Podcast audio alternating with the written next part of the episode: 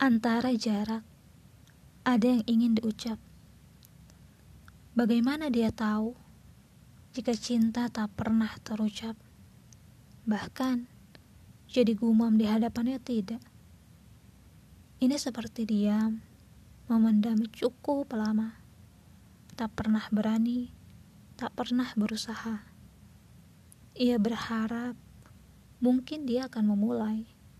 Nyatanya hanya kosong belaka. Ini yang terjadi padanya. Tapi apa lugu atau tidak mengerti? Lebih tepatnya, kebodohan tak berarti. Dipilihnya memendam banyak bawa penyesalan.